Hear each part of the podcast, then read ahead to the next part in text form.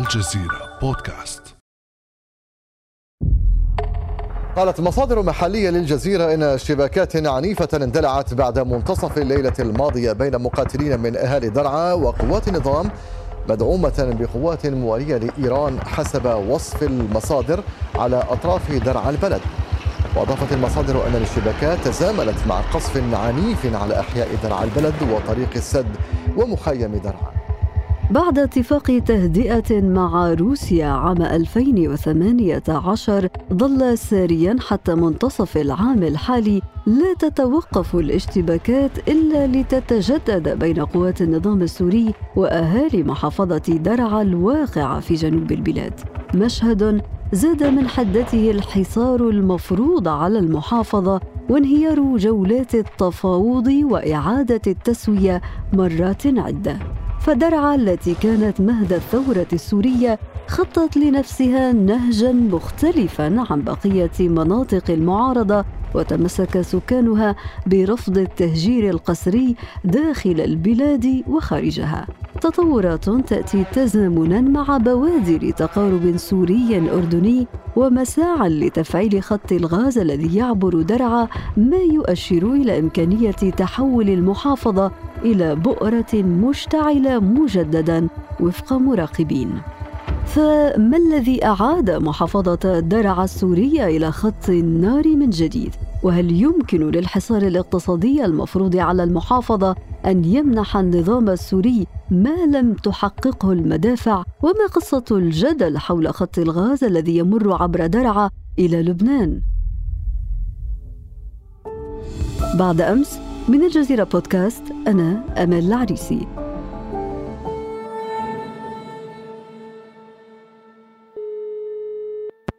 وينضم إلينا في هذه الحلقة الباحث والصحفي السوري الأستاذ أحمد أبا زيد. أهلا بك أستاذ أحمد. شكرا لكم لاستضافتكم. شكرا لك عند الحديث عن محافظة درعا في الجنوب السوري تتبادر إلى الذهن تسميات عديدة اللواء الثامن مناطق نفوذ المعارضة مناطق النظام الأذرع الإيرانية كما تسميها المعارضة. أستاذ أحمد بداية لو نرسم خارطة ميدانية توضح من يتحكم بالوضع الميداني في درعا اليوم؟ هو بداية منذ تموز يوليو 2018 المحافظة درعا والقنيطرة سقطت عسكريا بعد حملة عسكرية سنتها قوات النظام وروسيا في المنطقة بعد سقوط جيوب الثوار الأخرى في الغوطة الشرقية ودارية وحلب وغيرها. لكن ما يميز درعا أنه منذ اتفاق التسوية في تموز 2018 كان هناك نموذج خاص أو فريد من السيطرة مختلف عن بقية المناطق التي سقطت عسكريا أو مناطق التسوية. لذلك كان هناك بقاء للمجتمع المحلي في المحافظة. المقاتلين بقي قسم كبير منهم تحت تسميات أخرى ظهر فاعلون جدد. أهم الفاعلين في المحافظة بعد اتفاق التسوية كان الفيلق الخامس الذي أصبح اسمه لاحقا اللواء الثامن. وهو كان فيما قبل فصيل من فصائل الجبهة الجنوبية يدعى فرقة شباب السنة تحول إلى اللواء الثامن التابع للقيادة الروسية في الجنوب. إضافة إلى اللواء الثامن الذي يعتبر الذراع الروسي المحلي في الجنوب السوري. هناك العديد من القوى التابعة للنظام والتي يظهر أن هناك تعدد للأجندات فيما بينها. أهم الفاعلين في الجنوب كان قوات الأمن العسكري بقيادة العميد لؤي العلي من النظام كان هناك الفرقة الرابعة بقيادة اللواء علي محمود. الفرقة الرابعة خصوصيتها أنه هي تحولت إلى مظلة للقوات أو الميليشيات التابعة أو المحسوبة على إيران من سواء كانت سورية أو غير سورية أصبحت تحت ستار الفرقة الرابعة. إضافة إلى الفرقة الرابعة كان هناك عدة فرق من قوات الجيش الرسمي تابعة للنظام الفرقة 15 والفرقة الخامسة عشر والمخابرات الجوية. تعدد القوى المسيطرة في الجنوب وخصوصية الوضع في الجنوب تسبب بخصوصية لنمط السيطرة والاستقرار في الجنوب السوري. لذلك لم يكن هناك سيطرة عسكرية مطلقة للنظام في الجنوب السوري منذ اتفاق التسوية في تموز 2018 وكان هناك تعدد في القوى الفاعلة سواء كانت قوة محسوبة على النظام أو قوة محسوبة على الجانب الروسي أو قوة محسوبة على الجانب الإيراني أو قوة محسوبة على المجتمع المحلي في الجنوب السوري. طيب أستاذ أحمد إذا وفق حديثك تعدد الفاعلون في الجنوب السوري ولكن لماذا عادت الاشتباكات مرة أخرى إلى الواجهة في محافظة درعا؟ بسبب خصوصية الوضع في الجنوب السوري وبقاء القسم الأكبر من المجتمع المحلي وحتى المقاتلين في الجنوب السوري لذلك لم يتمكن النظام من فرض سيطرة مطلقة في الجنوب وكان هناك استمرار للنشاطات المعارضة للنظام في الجنوب السوري خاصة على مستوى الحراك السلمي. كان أهم هذه النشاطات إحياء الذكرى العاشرة لانطلاق الثورة السورية في مدينة درعا في آذار 2021 من العام الحالي. كان هناك مظاهرة كبرى في الجنوب السوري إضافة إلى مظاهرات في عموم المحافظة. بعد هذه المظاهرة التي كانت علامة فارقة فعليا في المشهد السوري بالعموم باعتبار أنه هي منطقة تحت سيطرة النظام عسكريا مع ذلك تخرج فيها مظاهرة كبيرة لإحياء ذكرى انطلاقة الثورة السورية فيها. بعد هذه المظاهرة كان هناك حراك شعبي واسع ضد الانتخابات الرئاسية في أيار مايو 2021 والتي أعيد فيها تجديد انتخاب بشار الأسد في سوريا. هذا الحراك منع من إجراء انتخابات في معظم مناطق المحافظة حتى المناطق التي يسيطر عليها النظام عسكريا بشكل مطلق. إضافة إلى نشاطات مدنية كان أبرزها مظاهرة أخرى في درع البلد. الحراك الشعبي في الجنوب السوري ضد الانتخابات الرئاسية كان إحراج كبير للنظام وللجانب الروسي. هذه منطقة تسيطر عليها روسيا ويسيطر عليها النظام ومع ذلك يكون فيها حراك شعبي واسع ضد الانتخابات الرئاسية. في هذا السياق أستاذ أحمد السؤال المطروح كيف حافظت درعا على خصوصيتها رغم كل التضييقات الأمنية المفروضة عليها؟ في الحقيقة هناك عوامل عديدة. أولا بسبب رمزية درعا باعتبار أن يطلق عليها السوريون مهدي الثورة السورية كان هناك حالة من الإصرار على إبقاء هذه الرمزية من قبل الأهالي وإبقاء النشاطات المعارضة للنظام حتى لو سقطت المنطقة عسكريا وكان هناك تحدي كبير للنظام في هذه المنطقة وهو ما تسبب بشكل رئيس في الحملة العسكرية الأخيرة والحصار والقصف الذي تعرضت له درعا البلد. بسبب إصرار الناس على إبقاء النشاط المعارض للنظام في الجنوب السوري وفي درعا البلد مدينة درعا خاصة.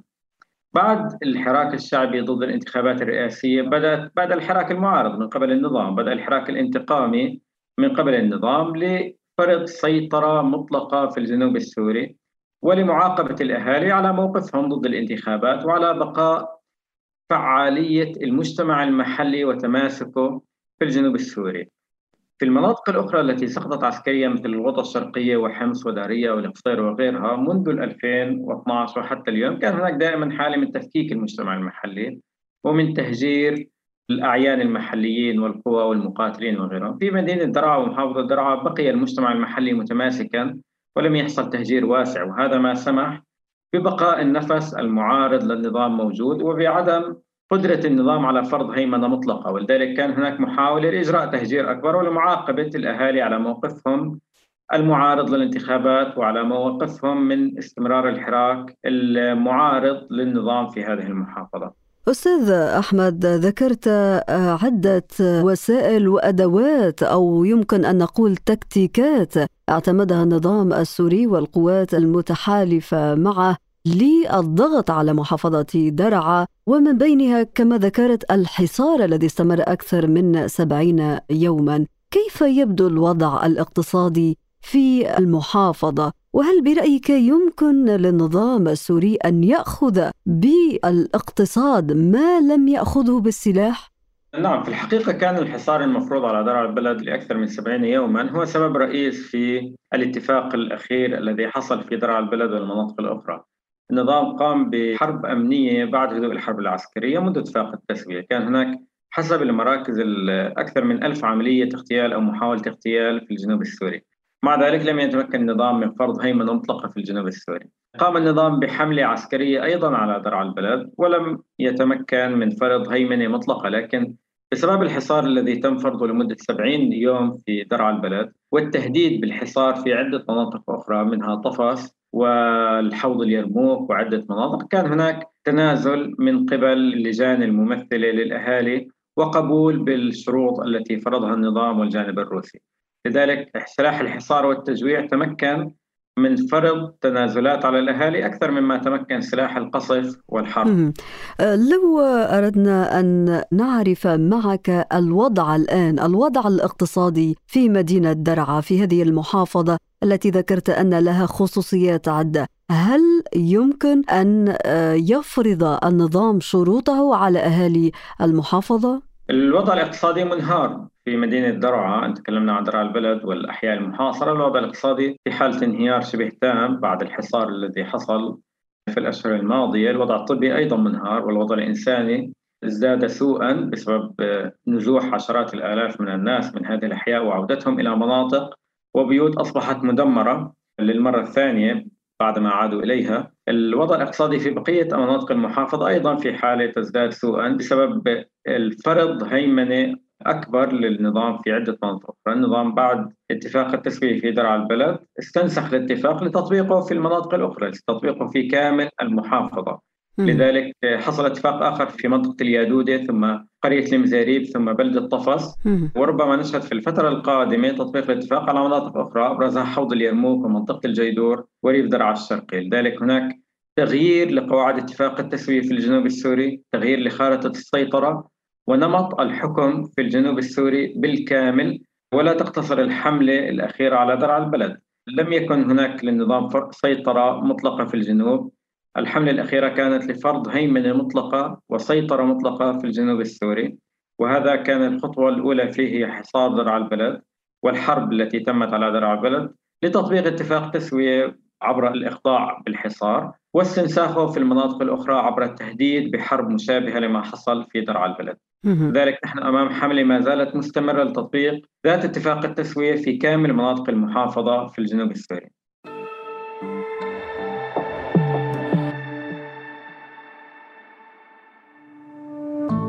ابقى على تواصل مستمر مع الجزيرة بودكاست ولا تنسى تفعيل زر الاشتراك الموجود على تطبيقك لتصلك الحلقة يومياً.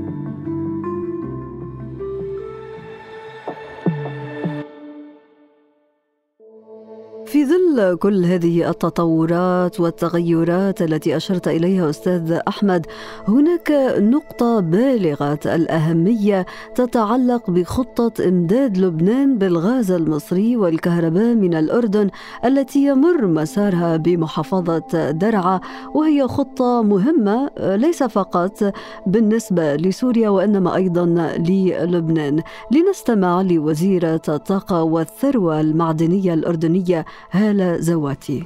خط الغاز العربي آه، كان ينقل الغاز من مصر إلى لبنان آه، في الأعوام 2009 2010 2011 لكن للأسف توقف منذ عشر سنوات. فهناك خط غاز هناك خط غاز آه، أو هناك خط أنابيب لنقل الغاز موجود على الأرض. وتم الحديث مع آه، الدول الأربعة حول جاهزية البنية التحتية لخط الغاز هذا وكانت الإجابة من كل الدول بأنه شبه جاهز. فالبنية التحتية وهي أهم موضوع هي شبه جاهزة. أستاذ أحمد سؤال المطروح هنا ما علاقة تصعيد قوات النظام المدعومة بالقوات الإيرانية في درعا بأزمة الكهرباء في لبنان؟ لا شك أنه كان هناك ترابط وتزامن وثيق بين الموضوعين كان هناك عامل محلي لتصعيد النظام وحلفائه في الجنوب السوري متمثل بموقف درعا الرافض للانتخابات الرئاسية وكان هناك عامل إقليمي ودولي متمثل بخطة نقل الغاز والكهرباء إلى لبنان. لا شك أنه لتطبيق اتفاقية نقل الغاز لابد من أن يكون هناك سيطرة مطلقة للنظام وروسيا على المنطقة تمنع من حصول هجمات ضدها أو من اعتبار أن الخط يمر بمنطقة فيها وضع انفلات أمني. لذلك كان هناك تزامن. بعد تطبيق اتفاق التسوية في الجنوب السوري في درعا البلد كان هناك زيارة من وزير الدفاع التابع للنظام السوري إلى المملكة الأردنية. النظام يرى أن الأهم بالنسبة لخطة نقل الغاز هو كسر عقوبات قيصر المفروضة على النظام.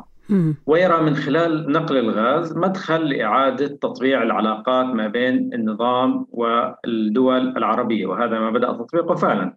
وهذا ما رأينا أن الأردن تكلم عنه من خلال زيارة ملك الأردن إلى واشنطن الأخيرة.